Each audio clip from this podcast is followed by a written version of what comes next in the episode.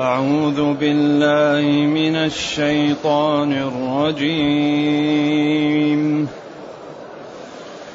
ويا قوم لا يجرمنكم شقاقي أن يصيبكم مثل ما أصاب قوم نوح. أن يصيبكم مثل ما أصاب قوم نوح أو قوم هود أو قوم هود أو قوم صالح وما قوم لوط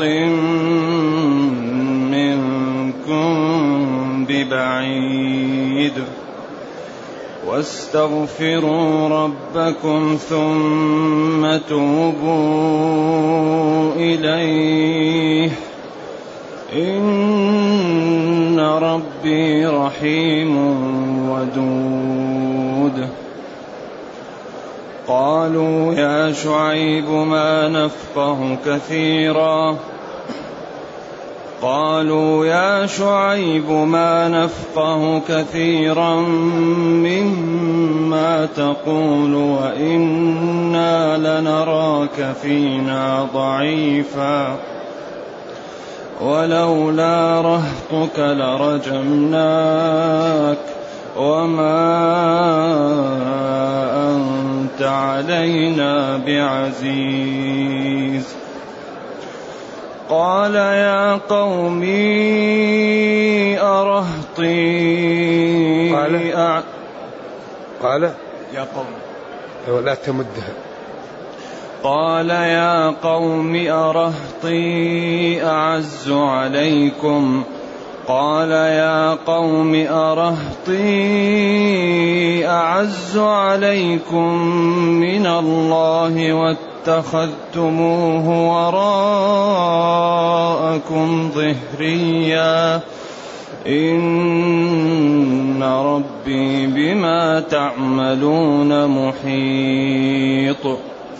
ويا قوم اعملوا على مكانتكم إني عامل سوف تعلمون من يأتيه عذاب يخزيه ومن هو كاذب وارتقبوا إني معكم رقيب ولما جاء أمرنا نجينا شعيبا نجينا شعيبا والذين آمنوا معه برحمة منا وأخذت الذين ظلموا الصيحة فأصبحوا في ديارهم جاثمين كأن لم يغنوا فيها كأن لم يغنوا فيها ألا بعدا لمدين كما بعدت ثمود. الحمد لله الذي أنزل إلينا أشمل الكتاب وأرسل إلينا أفضل الرسل وجعلنا خير أمة خرجت للناس. فله الحمد وله الشكر على هذه النعم العظيمة والآلاء الجسيمة. والصلاة والسلام على خير خلق الله. وعلى آله وأصحابه ومن اهتدى بهداه. ما بعد فإن الله تعالى يخبر عن نبيه شعيب أنه قال لقومه يا قوم لا يجرمنكم شقاقي يحملنكم ويكسبنكم شقاقي مخالفتي ومباعدتي وتجنبي والتجافي عني. لا لمن يحملنكم ذلك ويحملنكم كراهة ما عندي أن يصيبكم مثل ما أصاب قوم نوح أو قومه لا يحملنكم النفر مما عندي والتجافي عني أن تهلكوا أنفسكم. وتوقعوها فيما وقعت فيه الأمم السابقة حيث تركت توحيد ربها وضافت على ذلك المعاصي فهلكت وأصبحت معتبرة لمن يعتبر فلا تسلكوا طريقهم فتهلكوا كما هلكوا ولا يكسبنكم مخالفتي ومباعدتي والنفر بما أتيتكم به أن تستمروا على ما أنتم عليه فتهلكوا. يجرمنكم يحملنكم. شقاقي مخالفتي. شاقه يشاقه إذا خالفه. ومن الشق هو في شق وأنت في شق. و أن يصيبكم أن أن يصلكم ويقع بكم. لا يحملنكم ذلك شقاقي أن يصيبكم إصابتكم مثل ما أصاب قوم نوح. أن يصيبكم ويقع بكم الشيء المشابه للذي أصاب قوم نوح وهو الغرق أو قوم هود وهو عياذا بالله ماذا ثمانية سبعة ثمانية أيام إيش؟ سبع ليال سبع ليال وثمانية أيام حسوما فترى القوم فيها صرعى كأنهم أعجاز نخل خاوية. فهل ترى لهم من باقية؟ صالح قال لهم تمتعوا في داركم. جاءتهم اليوم الأول اصفرار اليوم الثاني احمرار اليوم الثالث سويداد وبعدين جاءتهم الهلكة. لوط رفع القرى وقلبها. إذا لا يحملنكم التباعد عني والنفر بما جئتكم به. لا يحملنكم ذلك أن تستمروا على الكفر وعلى الضلال.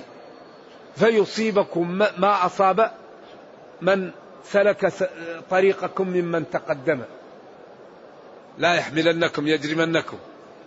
يعني كراهية ما أتيتكم به. من توحيد الله والنهي عن التطفيف. يطففون فإذا كانوا لأنفسهم يزيدون وهذا تطفيف هذا عيب. وإذا كانوا لغيرهم ينقصون. ويل للمطففين الذين الذين إذا اكتالوا على الناس يستوفون وإذا كالوهم أو وزنوهم يخسرون. ألا يظن أولئك أنهم مبعوثون ليوم عظيم؟ يوم يقوم الناس لرب العالمين. لذلك هذه دناءة. لذلك من الدناءة أن يكون الإنسان يرى لنفسه ما لا يرى لغيره. لذلك قال وأن تأتي للناس ما تحب أن يأتوك الناس به. وكل ما تحب أن تعاملا به به كل العباد عاملا. نعم.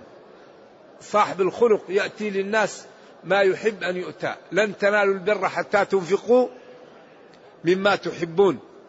ولا تيمموا الخبيث منه. هذا دين رائع الإسلام. ما أجمله. إذا يقول لا يحملنكم مباغضتي وكراهية ما عندي. أن تستمروا على الكفر فيصيبكم مثل ما أصاب قوم نوح.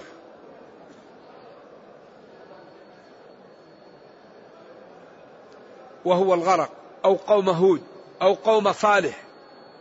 وما قوم لوط منكم ببعيد في الزمن والمكان والقرابة. كله قريب منهم زمانا ومكانا وقرابة. وقد حل بهم ما حل بهم فأنتم إذا لم تقلعوا عما أنتم عليه فحري بكم أن ينالكم ما نالهم. فبادروا بالتوبة وابتعدوا عن المعاصي. أن يصيبكم مثل ما أصاب قوم نوح أو قوم هود أو قوم صالح وما قوم لوط منكم ببعيد. بعيد في الدار بينهم أميال بعيد في الزمن بعيد في القرابة. يعني ليسوا بعيدا منهم قرابة ولا زمنا ولا مكانا. إذا بادروا بالتوبة وانتبهوا لأنفسكم فاستغفروا ربكم. اطلبوا من ربكم أن يغفر لكم فإنه غفار للذنوب ويغفر الذنوب جميعا وإنكم على خطر إن لم تبادروا. لذلك هؤلاء لا عذر لهم. الله جل وعلا لا يعذب أحدا إلا بعد الإعذار والإنذار. ربنا كريم أعطى رأس المال. وأعطى العمر وأعطى العقل. وقال للعبد تاجر بهذا المال لك والأجر لك. فلذلك الخاسر الذي يضيع عمره الخاسر الذي لا ينتبه قبل أن يفوت الأوان. هذه هي الخسارة الكبيرة. لا يهتم بصلاة لا يهتم بطهارة لا يهتم بصوم لا يهتم بحج لا يهتم بحقوق لا بوالدين لا بجيران. لا يبالي. وبعدين شوية شوية انتهى العمر. يقال تعال. الصلاة غلط الطهارة غلط التعامل مع الوالدين غلط. التعامل مع الجيران غلط. يقول آه ليتني أعود. ليتني أعود لأصلحها.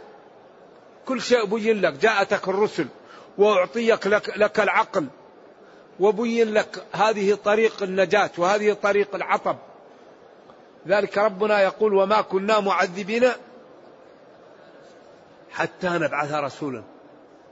وقال وما كان الله ليضل قوما بعد إذ هداهم حتى يبين لهم ما يتقون.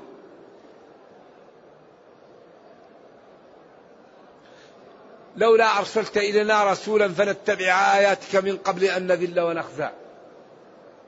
لو, لو عذبوا قالوا لولا أرسلت إلينا رسولا. ويقول في حق أهل النار كلما ألقي فيها فوج سألهم خزنتها ألم يأتيكم نذير؟ قالوا بلى.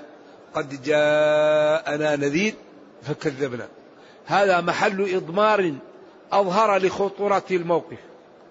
ألم يأتيكم نذير؟ قالوا بلى جاءتنا. لكن قال بلى قد جاءنا نذير فكذبنا. إذا أنتم الذين عملتم. فلذلك هذا شعيب ينادي قومه هذا النداء ويقول لهم أنجوا بأنفسكم لا يحملنكم ويكسبنكم. النفر مما جئتكم به والتعود لما عندكم من الضلال أن تستمروا على ذلك فتهلكوا. فيصيبكم مثل ما أصاب الأمم السابقة قبلكم قوم نوح وقوم هود وقوم صالح وما قوم لوط منكم ببعيد. ثم النجاة في التوبة فاستغفروا ربكم. لعلة ما حصل لهؤلاء. من عدم الاستغفار والتوبة أنتم بادروا فاستغفروا ربكم اطلبوا منه المغفرة ثم توبوا ارجعوا إليه عما أنتم عليه من تطفيف الكيل والكفر. إن ربي الله جل وعلا رحيم بعباده ودود يكرمهم ويلطف بهم ويوصل إليهم الخير من كل جهة ومن جهات لا يعلمونها.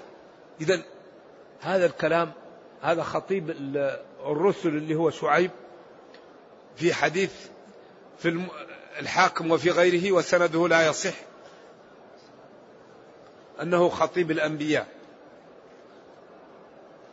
قالوا يا شعيب قالت مدين أهل مدينة يا شعيب نداء فيه نوع من إيش؟ من قلة الأدب. ما قالوا يا أخانا يا يا يا نبي الله أو يا يا شعيب كذا. كلام ناشف. ما نفقه كثيرا مما تقول. ما نفهم ونتعقل وندرك كثيرا مما تقول لما في قلوبنا من النفرة والكراهية. ولذلك يقضى على المرء في أيام محنته حتى يرى حسنا ما ليس بالحسن. نعم. لذلك ينبغي للعاقل أن يوطد, يوطد نفسه على قبول الحق. الحق يقبل. الحق. لذلك إذا قال شخص لا تحبه الحق أقبله. وإذا قال شخص تحبه الباطل لا تقبله. الحق حق والباطل باطل. فلذلك ينبغي أن نتعود على الإنصاف. قال لهم يا قوم لا يجرمنكم. قال قالوا له يا شعيب ما نفقه كثيرا مما تقول. لا نفهم كثيرا مما تقول. ولا نستوعبه وهو عندنا غير معقول أنت بيننا وبين ظهرانينا وأنت تحاول أن تقوم على عاداتنا فنترك عبادة آبائنا وأجدادنا وما كانوا عليه وبيوعنا ومعاملاتنا نتركها. هذا ما نفقه هذا ما نفهمه. لماذا أنت مثل هذا؟ وبعدين في النهاية إنا لنراك فينا ضعيف. أنت كمان ضعيف الجسم ضعيف الحال. لماذا تقوم على عاداتنا وتأتينا بهذه الأشياء؟ وهذا ليس ليس هذا جواب تعبان. وكل ما ألجئ الفاسد يأتي بكلام خارج عن الموضوع. قال لهم أنا أخاف أن يصيبكم ما أصاب قبلكم. يقولوا له ما نفقه ما تقول. كيف ما تفقه ما تقول؟ وهو كلمكم بلغتكم أنكم سيحل بكم ما حل بالأمم. وبعدين وإنا لنراك فينا ضعيفا. هذا ما هو هذا هذه هذه إجابة خطأ. يقول لا يمكن أن يصيبنا شيء أو هذا الكلام الذي قلت يعني نرده بكذا وكذا. أما ما نفهمه وأنت ضعيف. هذا ما هذا تعبان. ولذلك لما قال لهم إبراهيم اسألوهم إن كانوا ينطقون فرجعوا إلى أنفسهم. قال والله صحيح نحن نعبد حجر ما يفهم. كيف هذا؟ بعدين قالوا لا هذا يريد أن يسخر عليكم هو يعلم هذا. حرقوه وانصروا آلهتكم. طيب هذا ما هو جواب. إبراهيم لما قال لأبي يا أبت لا تعبدي الشيطان إن الشيطان كان للرحمن عصيا. يا أبت إني أخاف أن يمسك عذاب من الرحمن فتكون للشيطان وليا. قال له أراغب أنت عن آلهتي يا إبراهيم؟ لئن لم تنتهي لأرجمنك وهجرني مليا. دائما الناس المنحرفة إذا لجأتها للدليل تبدأ تسب وتشتم وتخرج عن الموضوع. ذلك دين الإسلام لا يقاوم أبدا. ديننا لا يقاوم. إلا بماذا؟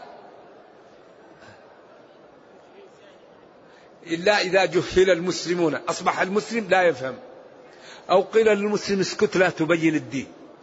أما إذا فهم المسلم الإسلام وبينه لا يقاوم. لأن كل قضية محلولة في الإسلام. هذا لا أقوله عاطفة هذا واقع. ونزلنا عليك الكتاب تبيانا لكل شيء. ومن أصدق من الله قيلا. قوله الحق. لا تجد قضية إلا وتجد حلها في كتاب الله. سواء كان أي قضية تحتاجها الأمة في دينها أو دنياها محلولة في القرآن. لأن هذا الكتاب معجز. ووضع في قوالب كل ما ما استجد شيء يوجد فيه.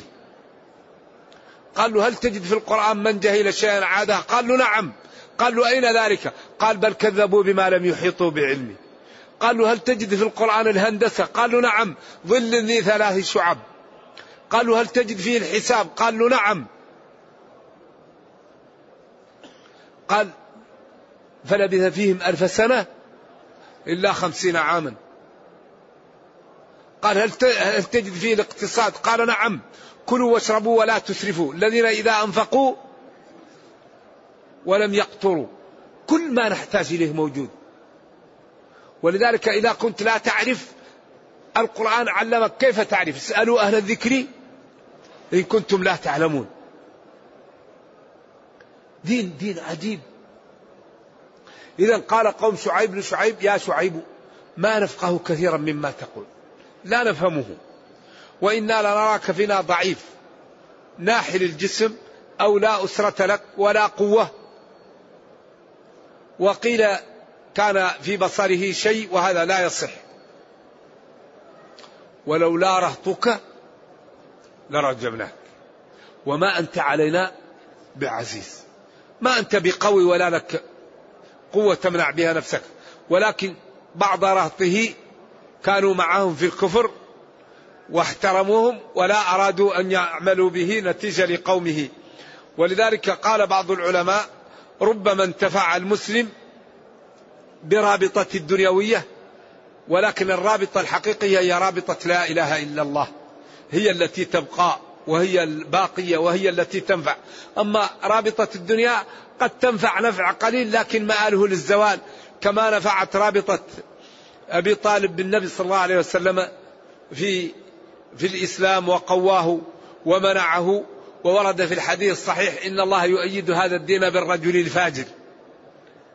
أيوة. قد يتقوى الإسلام بالرجل الفاجر. ولذلك قال والله لن يصلوا إليك بجمعهم حتى أوسد في التراب دفينا فاصدع بأمرك ما عليك غضاضته وقال والله لولا أنني أعاب لا أعلم أن دينك من أحسن الأديان. لكن أنا سيد الوادي نترك دين آبائي وأجدادي ونترك ونتبع ابن أخي يتيما. هذا صعب على نفسي. لولا الملامة أو حذار مسبة لوجدتني سمحا بذاك مبينا. ولقد علمت بأن دين محمد من خير أديان البرية دينا.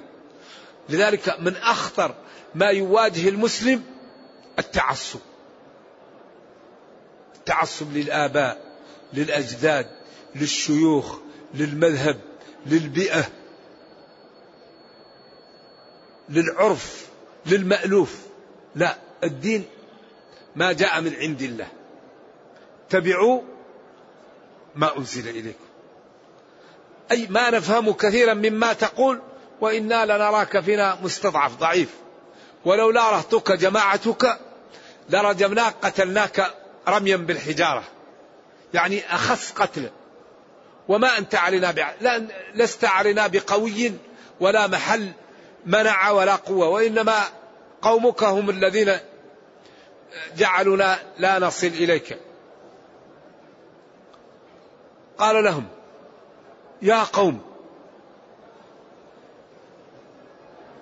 يا يا يا جماعتي أرهطي جماعتي أعز عليكم من الله؟ طيب قومي قلت الله هو الذي أوجدكم وأعطاكم وهو الذي يدفع ويمنع عنكم. قومي أحب إليكم من الله أعز عليكم من الله. يا قوم أرهطي أعز عليكم من الله.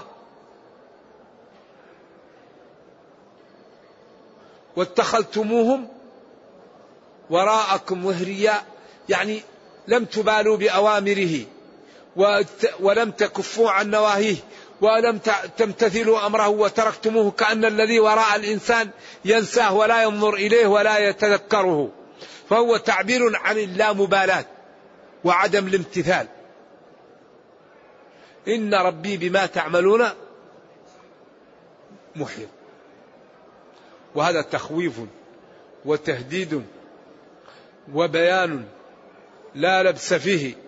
وقد أتى بالأمثلة قبله. ولكن من يضلل الله فلا هادي له. قوم نوح وقوم وما قوم وما قوم لوط منكم ببعيد. كل هؤلاء هلكوا بكفرهم وتمردهم. فأنتم احذروا أن تسلكوا الطريق فيحصل لكم ما حصل لهم. قالوا له أنت كلامك ما نفهمه وأنت ضعيف. طيب إذا أنتم مصرون على الهلكة.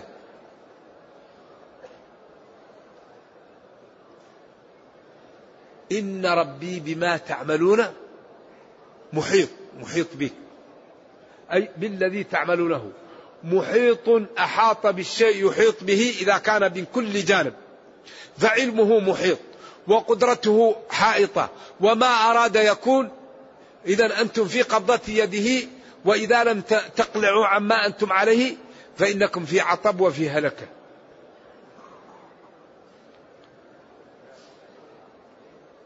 ويا قوم اعملوا على مكانتكم. خلكم على ما أنتم عليه اعملوا. إني عامل على ما أنا عليه. وهذا غاية التهديد والتخويف. سوف تعلمون. هذه مفردة في القرآن. سوف. إني عامل. سوف. لم يأتي بالفاء. لأنه هنا ما, ما, ما هو متأخر. إني عامل اعملوا على الحالة التي أنتم عليها. وأنا سأعمل على الحالة التي أنت عليها. والميدان وسترون من هو؟ الذي على الحق ومن هو على الباطل. سوف تعلمون من يأتيه عذاب يخزيه. أي يذله ويهينه. ويجعله عياذا بالله. وصمة وعار بين الناس. ومن هو كاذب؟ وارتقبوا إني معكم رقيب. انتظروا. إني معكم منتظر. ولما جاء أمرنا لما تأتي لي ثلاث معاني. تأتي حرف نفي وتأتي حرف إثبات وتأتي رابطة. وحين جاء أمرنا نجينا شعيبا. كما تقدم نجينا شعيبا والذين آمنوا معه برحمة متلبس ومصحوب برحمة منا. وأخذت الذين ظلموا الصيحة صاح بهم الملك فهلكوا جميعا. فأصبحوا في ديارهم جاثمين. كأن لم يغنوا كأن لم يسكنوا فيها كأن لم يكونوا فيها متنعمين. ألا بعدا لمدين؟ كما بعدت ثمود. ألا هلاكا لمدين كما هلكت آه، ثمود قبلها؟ وهذا الحقيقة يعطي للمسلم اعتبارا وجرعة في التوبة والمسارعة عن على الخير والبعد عن المعاصي. لأن هذه القصص أهم شيء فيها الاعتبار والاستفادة منها قبل أن يفوت الأوان. نرجو الله جل وعلا أن يرينا الحق حقا ويرزقنا اتباعه وأن يرينا الباطل باطلا ويرزقنا اجتنابه وأن لا يجعل الأمر ملتبسا علينا فنضل. سبحان ربك رب العزة عما يصفون وسلام على المرسلين والحمد لله رب العالمين. وصلى الله وسلم وبارك على نبينا محمد وعلى آله وصحبه. والسلام عليكم ورحمة الله وبركاته. نترك المجال لمن عنده أسئلة في حجه لأن هذا الحج مهم. ومن يريد الحج ينبغي أن يتعلم أحكامه ليأخذ الأجر كاملا. لأن العبادة إذا لم تؤدى على المواصفات المطلوبة يكون الأجر ناقصا. العبادة التي شرعها الله جل وعلا إذا عملها العبد على غير المواصفات المطلوبة يكون الأجر ناقصا أو معدوما. فنتعاون مع إخواننا الحجاج في حل إشكالاتهم في حجهم وما يحتاجونه في عبادتهم في هذا الموسم. والله جل وعلا يوفق الجميع. ذلك نرغب أن تكون الأسئلة في الحج أو في الدرس. إذا احتاج الإنسان أن يمرر بين يدي المصلي شيئا بيده هل يعتبر من المرور بين يديه؟ نعم. لو يعلم المار بين يدي المصلي ما لا عليه لكان خيرا له أن يقف أربعين. قال أربعين يوما قال أبيت. أربعين شهرا أبيت. أربعين سنة أبيت. ما أعرف أربعين. لذلك ينبغي للمصلي أن يصلي أمامه سترة ولا يصلي في طريق الناس. لكي لا يؤثمهم أو يؤثم نفسه. وينبغي للمار إذا وجد طريقا أن لا يمر بين يدي المصلي. فإذا صلى المصلي في طريق الناس فهو آثم. وإذا مر المار بين يدي المصلي وله طريق أخرى فهو آثم.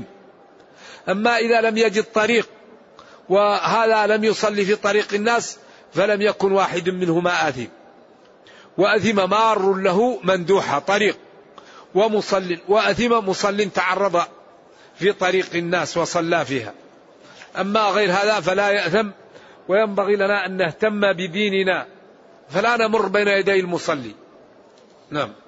عند تخليل اللحية أو مسحها بالماء للوضوء يتساقط بعض الشعر فهذا يضر بالإحرام لا يضر بالإحرام. لكن أمسحها بخفيف. إذا كنت محرم. يقول إنه حضر من بلده إلى مكة وأتى بعمرة وجاء إلى المدينة فإذا أراد أن يذهب إلى مكة يحرم بماذا؟ إن أراد أن يحرم بعمرة وإن أراد أن يحرم بحج. لأن الذي يأتي متمتعا يبقى بمكة. فإذا خرج عن مكة كثير من العلماء يقول لم يكن متمتعا لأن التمتع هو أن يأتي الآفاقي لمكة الذي لا يسكن مكة ولا يسكن دون المواقيت. يأتي لمكة ويعتمر في أشهر الحج ويبقى بمكة ثم يهل بالحج من مكة. هذا يسمى متمتعا. أما الذي يأتي بعمرة ويرجع لبلده أو سكنه كثير من العلماء يقول هذا ليس بمتمتع. نعم. فهو له أن يحرم بعمرة يكون متمتعا وله أن يحرم بحج يكون مفردا وله أن يحرم بحج وعمرة ويكون قارنا. والكل سهل وجائز وفضيل إن شاء الله. هذا يقول سؤال مهم وبعدين يقول كنا في مناسبة وبعدين كانوا يضربون بالدفوف وأناشيد إسلامية. فاختلفوا. على كل حال ضرب الدف للنساء في في الزواجات هذا لا يضر. والأناشيد لا تضر إذا لم يكن معها المزامير. و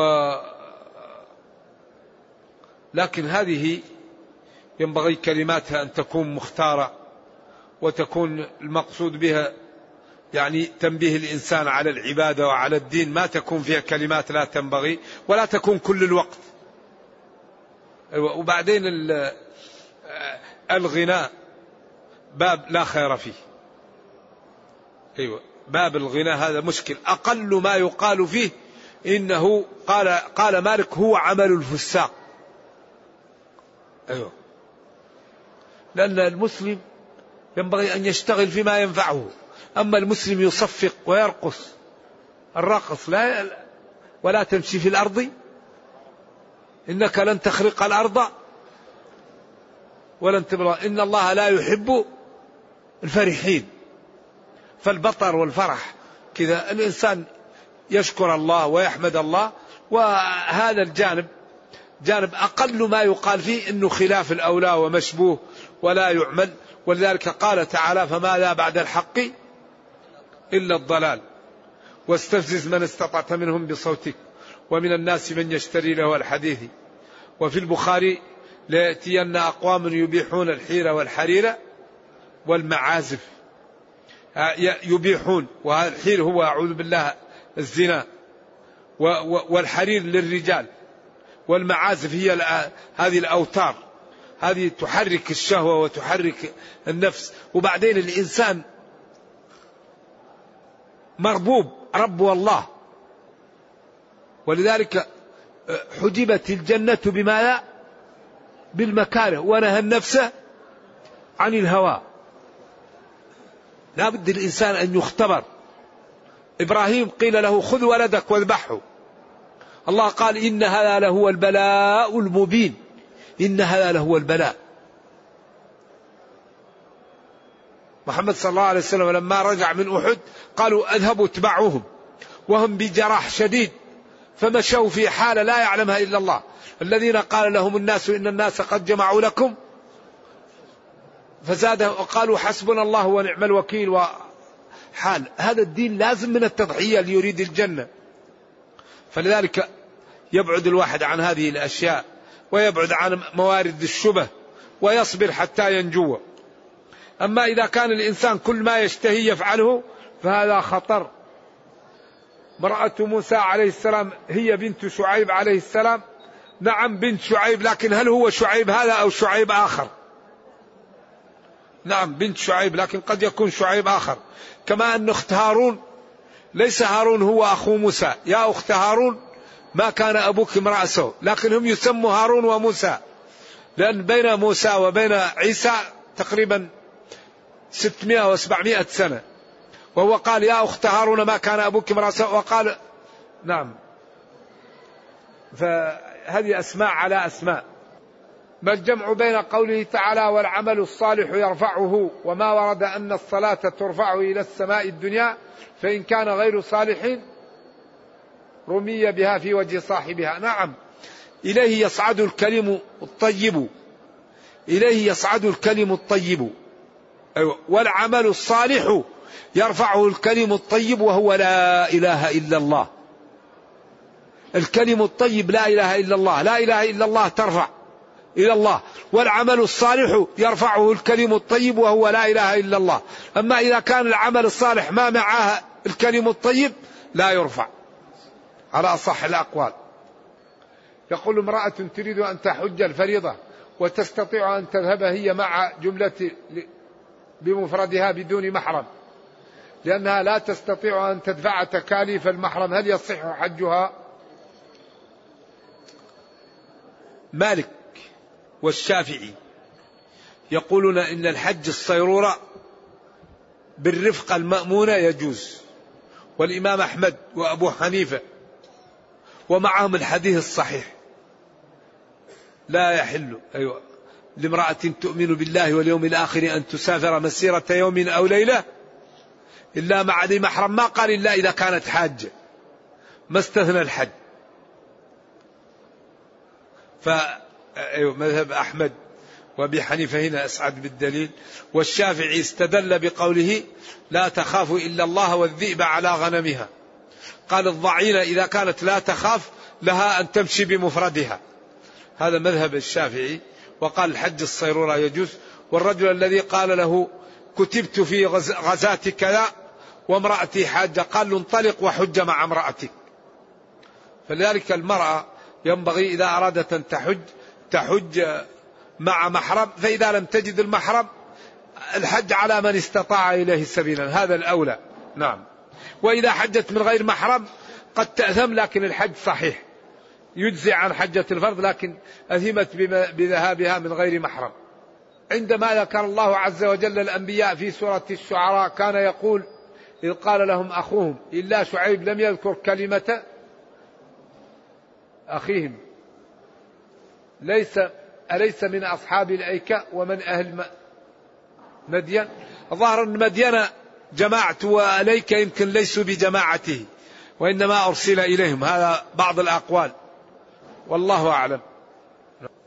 الشخص الذي ورد النهي عن أن يأخذ شيء من الشعر أيام العشر هل هو خاص بمن يريد أن يضحي أم الذي ينوي التمتع؟ لا الذي يريد أن يضحي المتمتع ليس فيه. نعم. أريد أن نعرف أفضل الأعمال والدعاء للوالدين بعد موتهم الوالدان إذا توفيا تكثر لهم الدعاء. لأن الدعاء والصدقة يصلان بلا خلاف. اللهم اغفر لهم وارحمهم وتتصدق عنهم. وإذا مات الوالدان بقي من برهما أربع أمور. الدعاء لهما وإنفاذ وصيتهما وبر أقاربهما وأصحاب ودهما. هذه الأربعة تبقى من بر الوالدين بعد موتهم. الدعاء لهما وإنفاذ وصيتهما وإكرام قرابتهما وأهل ودهما. نعم. ما حكم المبيت بمنى يوم التروية؟ يعني لأن الفوج الخاص بي يذهب من السكن ليلا يوم التروية إلى عرفات. لا شيء عليه وفاتته فضيلة. صلاة خمس فروض في منى ومبيت ليلة تسعة في منى هذه سنة لا أعلم عليها شيء. ومن تركها ترك سنة وفاته فضل ولا شيء عليه. والسنة أن يصلي الظهر يوم ثمانية في منى متلبس بالإحرام. والعصر والمغرب والعشاء والفجر. فإذا طلعت الشمس يذهب إلى عرفات. هذه السنة. ومن تركها لا شيء عليه. رجل حج قارن ولم يذبح وهو جاهل. يذبح بعد ذلك. إذا أخبر يبقى في الدين فيه ويذبحه. يقول هو جاء حاج متمتعا. ولكن يريد أن يكون الحج لنفسه والتمتع والعمرة لوالديه. العمرة تكون لواحد. وأنت متمتع.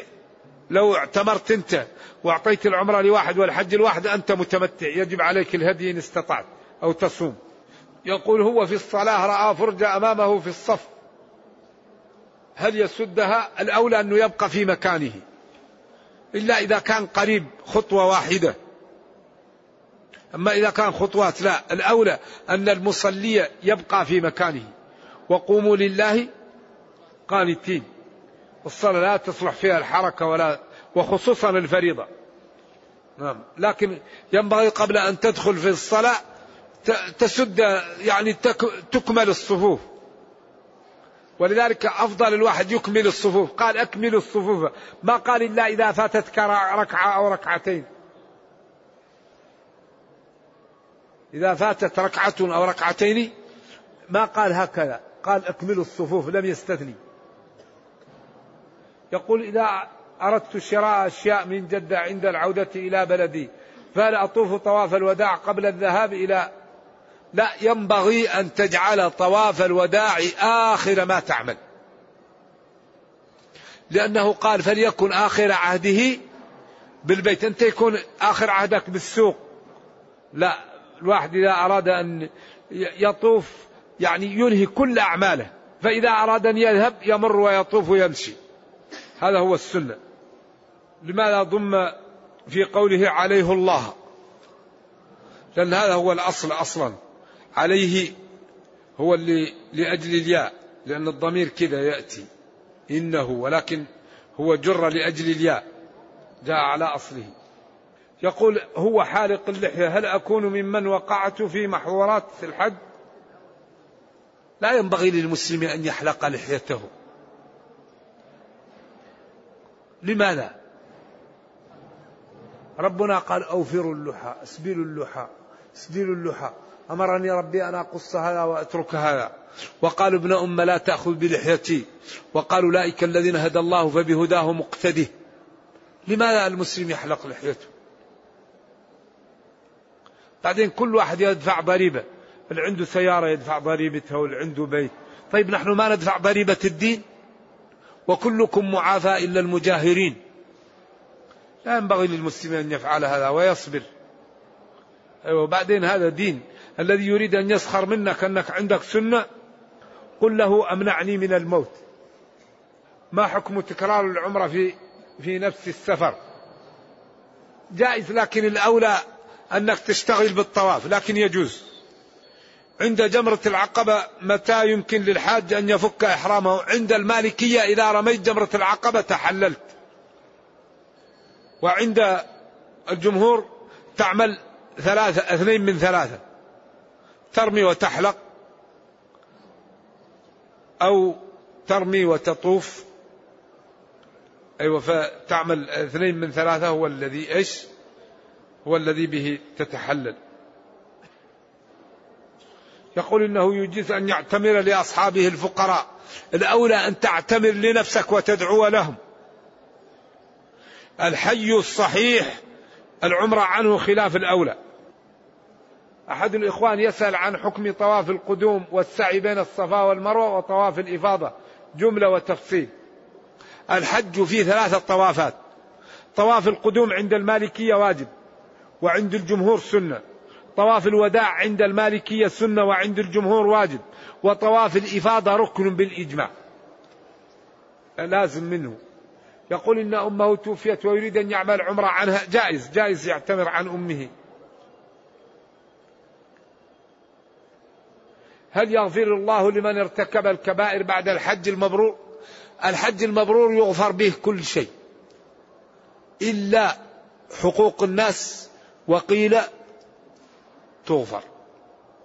فالحج المبرور أمره عجيب. لذلك ينبغي لمن دخل في الإحرام أن يجتهد حتى يسلم له حجه. نرجو الله أن يرزق أن يرزقنا وإياكم حجا مبرورا.